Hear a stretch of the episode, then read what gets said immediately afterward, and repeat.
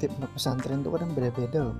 Apalagi misalkan uh, dia di lingkungan pesantren tapi dia misalkan ikut ekskul ekskul yang berbeda-beda akhirnya membentuk watak karakter sifatnya uh, itu menjadikan dirinya terbentuk dan uh, kadang pemikiran-pemikiran anak-anak pesantren itu berbeda-beda antara satu dengan yang lainnya gitu sehingga uh, ngobrolin tentang cara pandang anak pesantren tentang suatu isu-isu sosial atau fakta-fakta fenomena yang terjadi di masyarakat.